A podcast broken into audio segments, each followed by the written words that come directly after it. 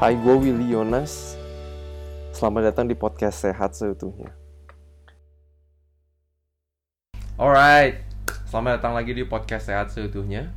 Dan inilah adalah episode terakhir di bulan Oktober yang adalah Breast Cancer Awareness Month. Dan untuk episode terakhir, eh, episode terakhir ini gue punya bintang tamu yang spesial. Wuh. Temen gua namanya Clarissa Yonarto. Tara. Oke, Halo. mungkin Halo semuanya. ya perkenalkan diri. Nama saya Clarissa Yonarto.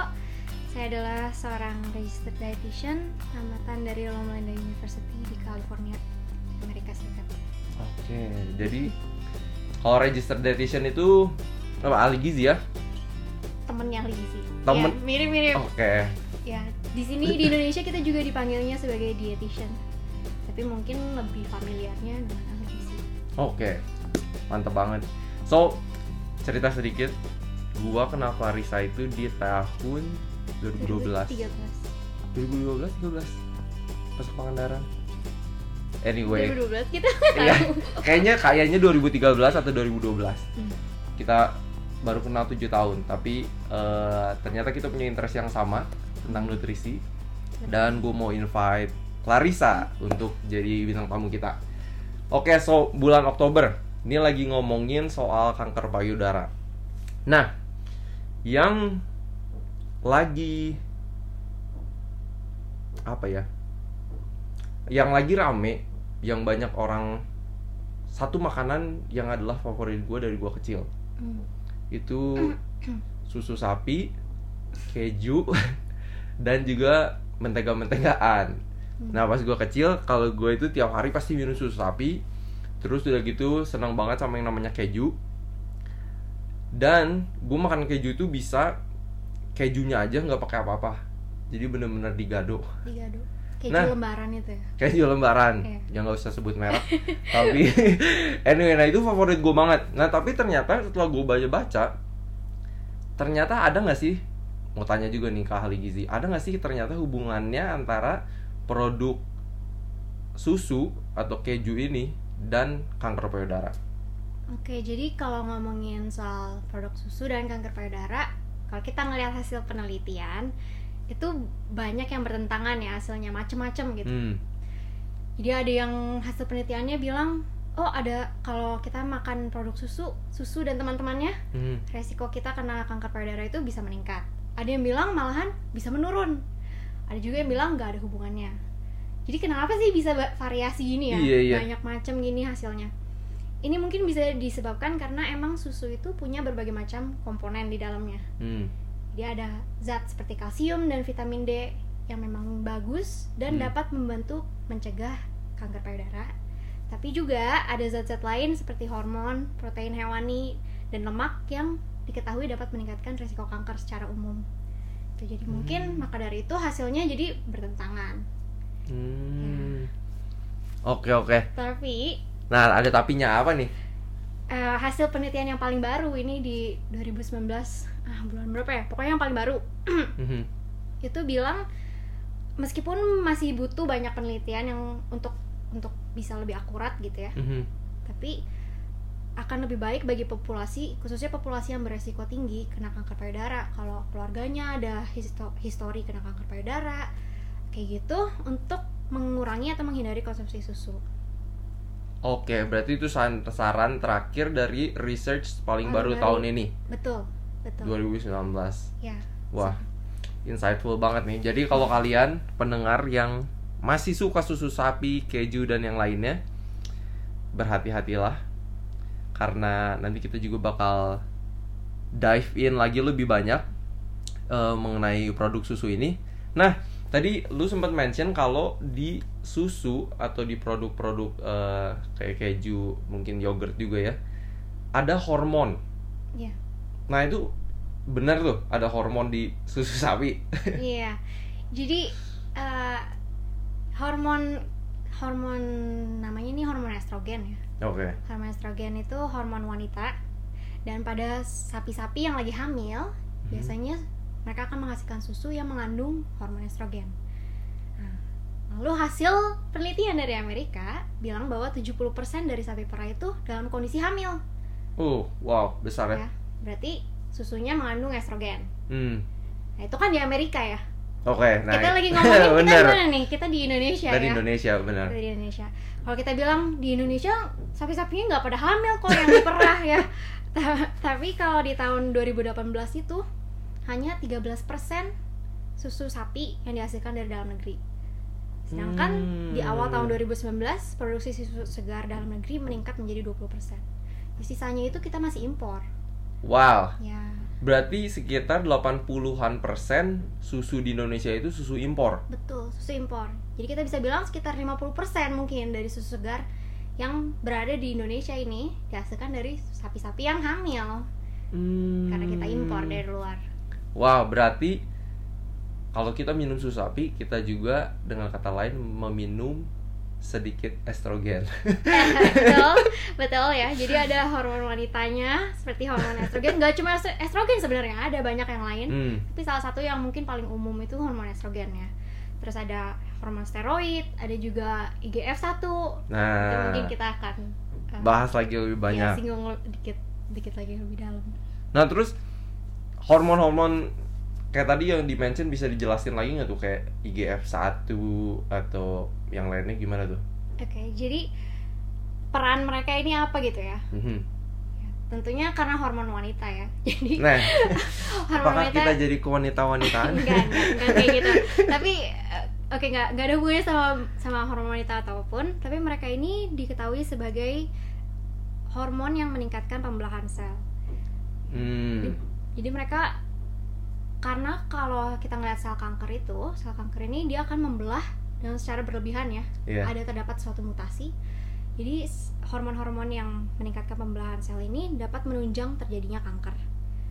Dan juga ditemukan khususnya untuk IGF-1 itu dapat menyebabkan resistansi terhadap kemoterapi. Hmm, wow. Berarti kalau misalnya ada orang ceritanya lagi di kemo, terus mereka banyak banget minum susu sapi, banyak Hmm. dapat hormon IGF-1 ini. Ya, Malah efek kemoterapinya malah jadi kurang efektif dong. betul. Jadi ya kurang efektif karena si IGF-nya ini memberikan efek resistan terhadap kemoterapi. Hmm. Wow, jadi ngeri juga ya pendengar semua eh, mengenai eh, ini namanya susu sapi dan produk lainnya, teman-temannya. Ya. Lalu konsumsi susu juga diketahui kalau kita hanya minum susu sapi aja nih ya, nggak minum, nggak makan keju atau nggak Mhm. makan produk-produk susu yang lain atau uh, makanan yang mengandung hormon-hormon yang sama, Mhm. hanya konsumsi susu aja dapat mempengaruhi pubertas dini pada anak. Berarti misalkan menstruasi lebih awal pada anak perempuan. Mhm. Lalu hubungannya apa sama kanker payudara? Benar, benar. ya. Jadi menstruasi awal adalah salah satu resiko kanker payudara. Diketahui kalau misalkan individu atau anak perempuan di bawah umur 13 tahun sudah menstruasi, maka resiko terkena kanker payudaranya akan jadi dua kali lipat. Wow. Ya. Wah, ini penting banget nih buat para perempuan. Em, yang masih muda atau yang misalnya udah tua. Ibu-ibu, anak-anak, Ibu-ibu juga. bener. Yang coba diinget-inget kapan sih kalian pertama kali mengalami menstruasi? Iya, Kalau misalnya berarti sebelum dia 13 tahun, itu resikonya. resikonya double. Tapi jangan khawatir kalau yang memangnya udah udah menstruasi. em, kita bisa melakukan pencegahan-pencegahan dalam bentuk lainnya. Bener banget, bener banget. Jadi jangan khawatir, tapi itu for your information. Betul. Kalau misalnya banyak minum susu sapi ini bisa membuat menstruasi itu lebih dini dan Betul. itu menang- meningkatkan resiko kanker payudara dua kali. Betul, dua kali lipat. Wow, Jadi- Lumayan, lumayan drastis. iya ini benar juga. Jadi hati-hati ya teman-teman pendengar semua. Ini jangan kita akhirnya jadi kemakan iklan. Bener-bener. So itu mengenai susu sapi dan produk-produk lainnya. Eh, nah, pertanyaan kedua yang gue mau tanya sama registered dietitian ini temen gue Clarissa. Banyak banget yang ngomong soal bahaya atau nggak boleh makan produk kedelai atau kacang kedelai Hmm. karena itu bisa naikin resiko kanker payudara atau enggak buat orang yang udah kena kanker payudara katanya nggak boleh karena katanya itu mengandung yang namanya estrogen, bener nggak sih? Oke, balik tadi seperti disinggung soal susu ya. Mhm. Ada banyak komponen dalam susu. Ada yang baik, ada yang kurang baik. Ya sama. Dalam kacang kedelai juga ada banyak komponen di dalamnya. Hmm. Tapi yang sering jadi sorotan itu hanya satu. Kalau ngomongin kanker ya, Oke. itu hormon estrogen katanya. Hmm. Sedangkan hormon estrogen yang didap didapati di dalam kacang kedelai ini adalah disebut fito fitoestrogen. Fitoestrogen. Estrogen yang didapat dari tanaman. Hmm. Gimana sih bedanya fitoestrogen sama estrogen yang kita hasilkan di dalam tubuh? Iya iya iya. Um, jadi estrogen fitoestrogen ini atau juga disebut isoflavon Mhm. itu dia kerjanya beda dengan hormon estrogen. Hmm. Dia ini lebih lebih unik ya. Jadi dia bisa kerja seperti hormon estrogen, Mhm. bisa bekerja sebagai anti hormon estrogen, jadi bertentangan Wow. ya, anti Oke. atau enggak sama sekali. Jadi dia bisa ke mana-mana. Ini tergantung Hmm. dari level level estrogen yang udah ada dalam tubuh kita. Jadi ini mengikuti sebenarnya. Kalau misalkan kita udah kebanyakan level apa, udah kebanyakan hormon estrogennya, Aha. nah si fitoestrogen ini akan bekerja sebagai anti estrogen. Ya. Tapi kalau kita Wow. sedikit estrogennya, maka dia akan bekerja sebagai estrogen.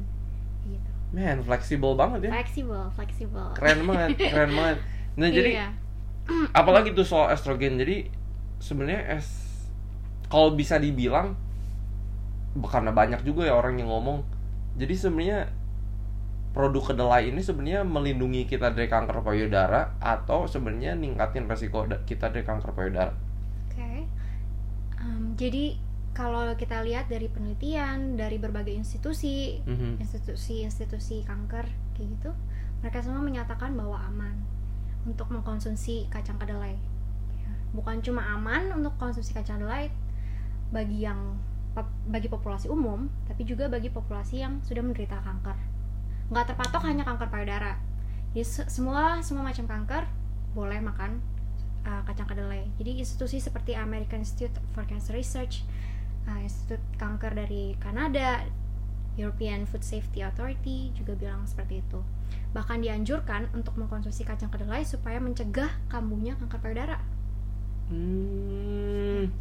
Wah ini teman-teman ini baru fakta yang yang bener ya. Maksudnya banyak sekali di luaran yang bilang kalau susu kedelai, produk kedelai, tahu, tempe itu nggak bagus.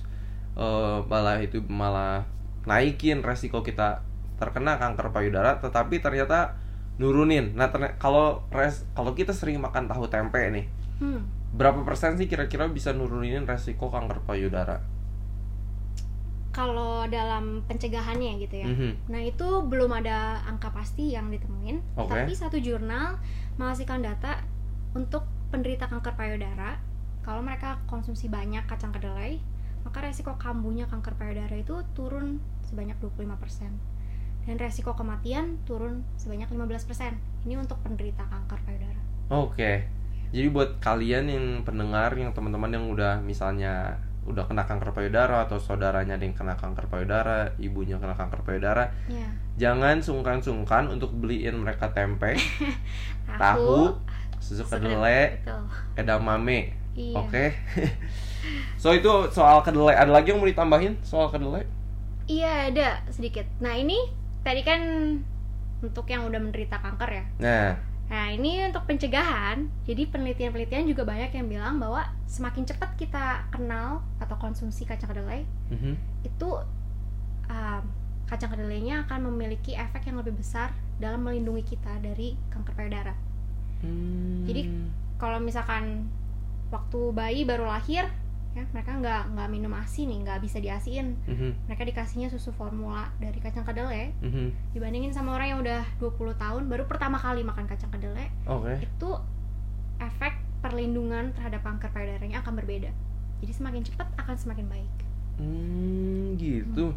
Berarti buat teman-teman di gue yang ngedengerin yang masih punya anak-anak kecil, ya atau yang belum pernah makan kacang kedelai. Kalau ada. Kasih mereka tempe, tahu, iya susu kedelai dan edamame. betul Jadi lebih baik diperkenalkan sedini mungkin ya. sedini mungkin Oke, wow, banyak juga ya dari kacang kedelai. Jadi kacang kedelai itu bagus. Kacang kedelai bagus. Alright, gue mau promosi sedikit soal apa yang kita sehat seutuhnya akan lakukan. Jadi di tanggal 19 November 2019 kita akan mengadakan seminar memecahkan mitos diabetes di Jacob Hall Setrasari Mall di Jalan Profesor si Insinyur Sutami. Jadi tanggal 19 November ini kita seminarnya akan mulai jam 7 malam dan uh, untuk harga early bird early bird sampai 1, 1 November 2019 itu Rp50.000 dan kalian juga akan mendapatkan voucher bergreen uh, sebanyak Rp20.000 dan kalau normal price uh, pendaftarannya sampai dengan 15 November 2019 itu Rp75.000 dan kalau misalnya kalian uh, minat kalian boleh kontak kami di WA kita 0811218303 atau juga boleh ke IG kita, ke Instagram kita setuhnya itu Instagram kita. Jadi kalau uh, teman-teman punya uh, keluarga yang udah kena diabetes atau mau belajar apa sih sebenarnya uh, masalah utama dari diabetes dan gimana kita mencegahnya, uh, ini seminar cocok banget buat kalian. So daftar sekarang, jangan uh, lewatkan early birdnya. Tapi kalau misalnya lewat normal price 75.000 um, kalian boleh daftar juga. Oke itu aja promosi dari gua. Thank you. Oke, nah ini pertanyaan ketiga nih Yang gue baca-baca juga dari beberapa research Ternyata ada hubungan antara kelebihan berat badan sama kanker payudara Nah itu kenapa tuh? Kok lucu ya maksudnya dari size badan kita kok bisa nyambung sama kanker payudara? Oke, okay. sebenarnya nggak cuma kanker payudara ya. Kalau kita udah okay. ngomongin berat badan, bisa ke mana-mana. Benar. Tapi hari ini kita fokus di kanker payudara. Kanker payudara. Oke. Okay. Um, Sebenarnya banyak penelitian yang menarik ya mengenai berat badan dan kanker payudara. Hmm. Beberapa ada yang bilang kanker payudara uh, semakin berat seseorang, mm -hmm. ya malah melindungi dari kanker payudara. Hmm jadi mau mau dibahas sedikit supaya ada kejelasan okay, buat, okay. buat buat Kita para pendengar buat para pendengar yang mungkin baca-baca juga iya, jadi iya. jangan salah konsep gitu jadi kanker payudara itu sebenarnya ada banyak tipenya nggak cuma satu mm -hmm. nah kalau kita kelebihan kelebihan berat badan itu memang menurunkan resiko dari kanker payudara tipe A okay. tipe tertentu sedangkan untuk tipe yang lain tipe B malah meningkatkan hmm. jadi pada dasarnya sebenarnya ya kelebihan berat badan menaikkan resiko secara umum. Oke. Okay. Resiko terkena kanker payudara. Lalu pertanyaannya kan kenapa ya? Hmm. Kenapa sih berat badan bikin uh, resiko kanker payudara itu meningkat? Jadi sel lemak yang pad ada pada orang kelebihan berat badan itu akan mengalami suatu mutasi. Jadi beda sama orang yang dalam keadaan berat badan normal. Hmm. Sel lemaknya itu akan berbeda. Oke. Okay. Jadi kalau pada orang yang berat badannya ideal mm -hmm. itu sel lemak ini membantu dalam produksi imun sistem. Hmm, baru tahu juga tuh. Yeah. Wow, sel lemak ada gunanya juga tuh ke imun sistem, yeah. ke imunitas tubuh. Ke imunitas tubuh. Tapi sel lemak pada orang yang obesitas atau yang kelebihan berat badan karena mutasi mm -hmm. dibandingkan menghasilkan yang anti-inflamasi, sel-sel anti-inflamasi, mereka mm -hmm. malah menghasilkan sel-sel yang pro atau bikin inflamasi. Hmm. Jadi kalau ada inflamasi, ini akan uh, bukan bukan cuma bukan cuma sel-sel uh, proinflamasi, tapi juga sel-sel yang dapat menyebabkan tumor. Wow. Ya. Jadi wow. Jadi kalau kalian bisa dites juga nih. Ada satu tes yang namanya in, um, kalkulasi indeks massa tubuh. Iya, indeks massa tubuh. Jadi itu tuh berat badan dibagi tinggi badan di dalam meter persegi. Nah, kalau kalian hitung itu tuh 20 uh, kalau hasil kalian itu 25 sampai 27 itu udah kelebihan berat badan, kalau 27 ke atas itu obesitas. Ya. Kalau normal itu 18,5 sampai 24,9. Jadi kalau kalian udah termasuk ternyata termasuk overweight atau obesitas, berhati-hatilah. Ya, berhati-hatilah karena secara umum naiknya 5 unit IMT ini oke okay. ya setiap naik 5 unit ini resiko kanker payudara akan naik juga sebanyak 2%. Oke. Jadi semakin berat kita semakin berat semakin tinggi juga resiko kita kena kanker payudara. Hmm, benar benar banget. Wow. Jadi buat kalian khususnya perempuan karena ini eh, ngomongin soal kanker payudara, tapi bukan berarti laki-laki boleh kelebihan berat badan atau bagus sih buat kelebihan berat badan. Ya, lelaki juga bisa kena kanker payudara. Oh iya ya. Iya. Astaga. Oh iya benar. Oke, laki-laki. resikonya lebih kecil tapi tidak menutup kemungkinan ya. Benar. Oke, laki-laki juga ternyata bisa kena kanker payudara. Jadi Iya. jangan oke ini cuma buat cewek, tapi laki-laki juga harus punya berat badan yang ideal. Mhm, betul sekali. Gimana ya, ada tambahan lagi soal berat badan dan kanker payudara? Hmm, mau nambahin sedikit soal berat, berat badan dan insulin ya. Oke. Jadi obesitas itu terbukti menyebabkan resistansi insulin Mhm. akan artinya artinya apa? Jadi insulin itu akan lebih banyak di dalam peredaran darah kita. Oke. Begitu juga dengan balik lagi si IGF satu ini. Satu, oke. Iya. Jadi mereka ini adalah bisa dibilang karsinogen lah. Hmm. Dapat karena mereka dapat menyebabkan kanker gitu. Kalau banyak banget di dalam darah. Iya, secara abnormal ya. Kalau secara Hmm. normal ya nggak ada masalah. Iya benar-benar karena insulin kan selalu ada juga ya. Iya. Wow, ngeri juga ya. Oke, itu soal berat badan dan kanker payudara. Nah, gue juga dengar kalau sel lemak itu ternyata ada hubungannya sama estrogen. Apa gue dengarnya menghasilkan estrogen? Tapi gimana ternyata koneksinya gimana tuh? Jadi kalau pada wanita yang belum menopause, Mhm. tempat utama atau organ utama penghasil estrogen itu adalah ovari Mhm. atau sel telur ya. Iya. Nah, tapi kalau pada wanita yang udah menopause, organ utama atau bukan organ lagi ya, sel utama yang menghasilkan estrogen ini adalah sel lemak. Gitu. Jadi sel lemak menjadi tempat produksi utama hormon estrogen pada wanita yang sudah menopause. Nah, balik lagi kalau ngomongin soal sel lemak di orang yang normal dan orang yang kelebihan berat badan, Mhm. itu mereka menghasilkan estrogen yang berbeda. Jadi pada wanita-wanita yang obesitas, sel Mhm. lemaknya akan menghasilkan lebih banyak hormon estrogen dibandingkan Hmm. sel lemak pada wanita bertubuh ideal. Ideal. Ber- Iya. berberat, Berberat badan, badan ideal. ideal. Oke. Nah, kalau untuk review lagi, mungkin gue juga udah uh, sempat singgung di podcast sebelumnya. Kalau hormon estrogen itu tinggi di dalam darah kita, itu juga naikin resiko kanker payudara. Iya. Benar. Jadi memang selalu ada hormon estrogen dalam peredaran darah kan kita butuh kan, Iya, butuh. Tapi kalau kelebihan, nah itu yang jadi masalah. betul. Betul. Oke, itu hubungan kanker payudara dan berat badan dan juga sel lemak. Hmm. Nah, yang keempat, yang mau gue tanya juga nih, ada hubungannya antara minum alkohol sama kanker payudara. Iya. Nah, gimana tuh kan gue sering denger, oh ya wine bagus tuh, katanya bagus buat jantung, buat apa, tapi ternyata ada juga di sisi lainnya ternyata kanker payudara ini dipengaruhi juga oleh konsumsi alkohol.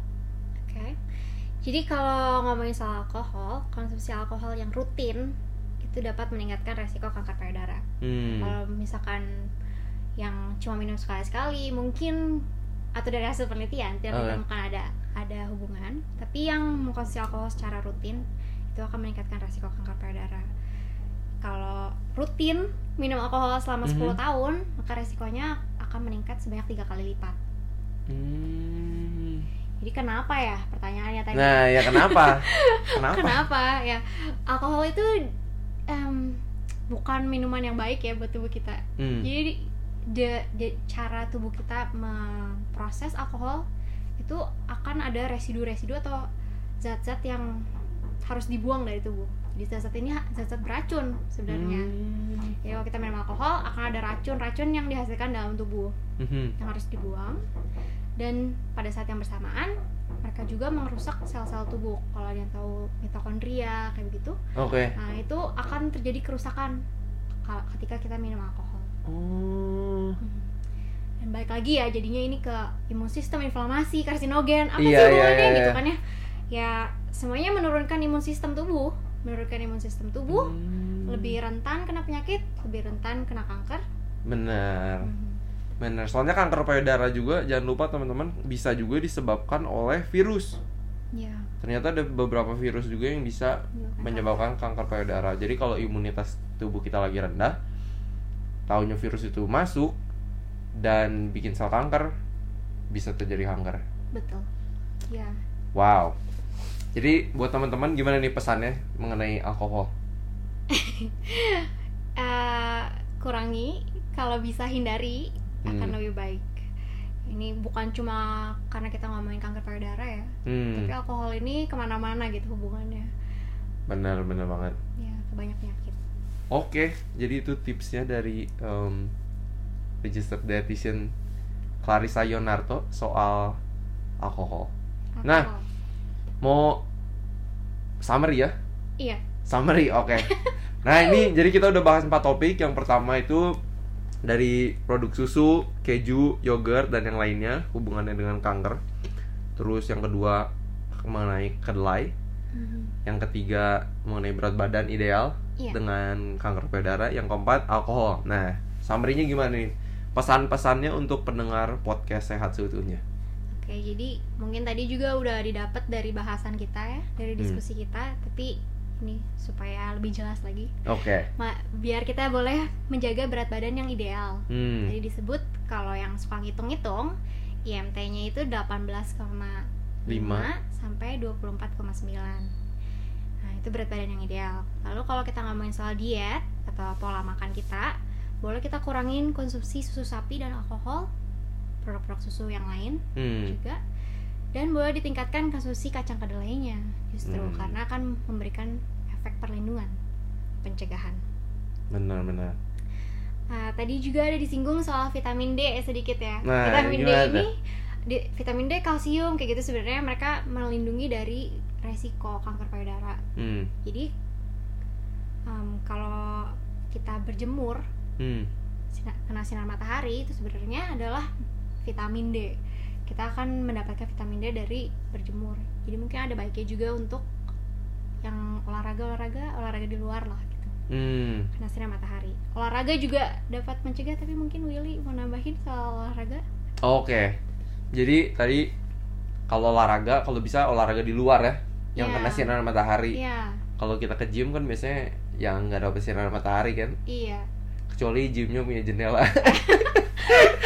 benar. Itu anyway soal olahraga eh, di podcast sebelumnya juga gue udah bahas. Hmm. Kalau olahraga itu ternyata naikin aktivitas dari sel darah putih kita yang khususnya namanya natural killer cell. Dan natural killer cell ini dapat me- menyerang sel-sel kanker yang udah jadi sekalipun sama juga virus-virus. Iya. Jadi kalau ada virus-virus yang bisa menyebabkan kanker payudara itu kalau kita sering olahraga itu gampang aja diterkam. Iya, betul. Jadi sering-seringlah olahraga dan sarannya itu lima kali seminggu paling enggak sekali olahraga itu 30 menit. 30 menit. Oke, itu Iya. dari olahraga. Jadi gimana ada kata-kata terakhir dari dietitian Clarissa Yonarto? Eh, kata-kata terakhir nggak mungkin apa kanker payudara itu adalah kanker yang paling banyak diderita ya di Hmm. Indonesia khususnya sekitar 16,7% dari total diagnosa kanker itu adalah kanker payudara Hmm. di pada tahun 2018 Oke. jadi mungkin kita butuh kenapa sih ada breast cancer awareness month gitu ya Iya, benar-benar. karena bukan hanya di Indonesia tapi di negara-negara lain juga uh, kanker payudara ini merupakan kanker kedua yang paling sering menyerang wanita Hmm, nomor satunya apa tuh? Ovari. bisa ada beda-beda Oke. ada yang ada yang ovari ada yang uh, perut Oh, lambung. eh, kanker lambung. Oke. kanker lambung beda-beda negara beda-beda ininya Oke, oke. tapi rata-rata di berbagai negara itu kanker payudara meningkati tiga besar lah gitu Hmm, khususnya oke. pada populasi wanita ya. Juara tiga terus ya paling iya enggak. juara tiga dan di Indonesia ini kanker yang paling banyak justru juara satu di Indonesia Hmm, Wow. jadi mungkin kita harus em, kasih lebih banyak perhatian Hmm. tentang kanker payudara apa sih ini gimana pencegahannya eh, apa yang menyebabkannya Hmm, itu kan tadi kita udah bahas dan mungkin kemarin minggu-minggu yang lalu juga sudah dibahas benar. mungkin bisa mulai kita coba terapkan satu persatu Oke. Jadi itu tips dari temen gua Clarissa Yonarto. Dan tambahan sedikit tips selanjutnya perbanyak juga makan serat karena serat juga bisa menurunkan eh, tingkat estrogen dalam darah ternyata. Jadi banyakin makan kacang merah, kacang hijau, sayur-sayuran, buah-buahan. Buat kalian yang pada nggak suka sayur-sayur buah-buahan, coba mulai belajar iya makan sayur dan buah jangan sampai nanti kalian udah kena kanker baru aja baru mau ganti pola hidup ya kan? Iya. Jadi udah agak berat sih biasanya ya buat orang yang udah kena kanker terus ganti pola hidup. Kan lebih susah karena nggak biasa. Bener. Bener. Iya. jadi lidahnya dibiasain ya. Dari sekarang dicuci. Dicuci. Lidahnya dicuci. Dicuci. Terus eh makin suka makan sayur dan buah. Iya. Tidur juga yang cukup di podcast sebelumnya juga gue bahas pentingnya tidur yang cukup air minum minum air Iya.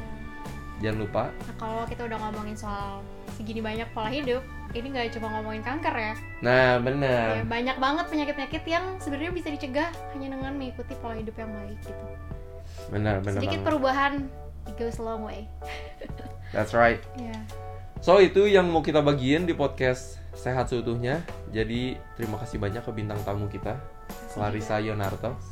Undangannya. Jangan bosen-bosen, nanti bagi-bagi ilmu lagi. Iya, kapan aja boleh. Kawan aja ya. Ntar Kapan kalau ada topik-topik lain ya, seperti mungkin nanti kita akan bahas juga sakit jantung, stroke, diabetes itu kan penyakit-penyakit yang tiga penyakit yang ngebunuh orang Indonesia paling banyak. Ternyata nanti kita akan undang Ibu Clarissa Yonarto lagi. Ibu, iya, boleh. Baik itu yang mau kita share hari ini. Semoga ini jadi berkat dan semoga kita semakin sehat seutuhnya. Alright, pesan gue seperti biasa adalah untuk kita semua makan whole food plant based diet atau vegan diet yang adalah makan nabati 100%. Karena sekali lagi daging-dagingan, susu sapi, makanan-makanan seperti itu, gula-gulaan yang seperti itu juga dapat menyebabkan kanker dan dapat mendukung eh, terjadinya dan pertumbuhan dari sel kanker itu. Jadi tetap makan whole food plant based diet dan juga olahraga, tidur cukup dan yang lainnya. Alright, salam sehat. Gua Will Yonas dari podcast Sehat Seutuhnya.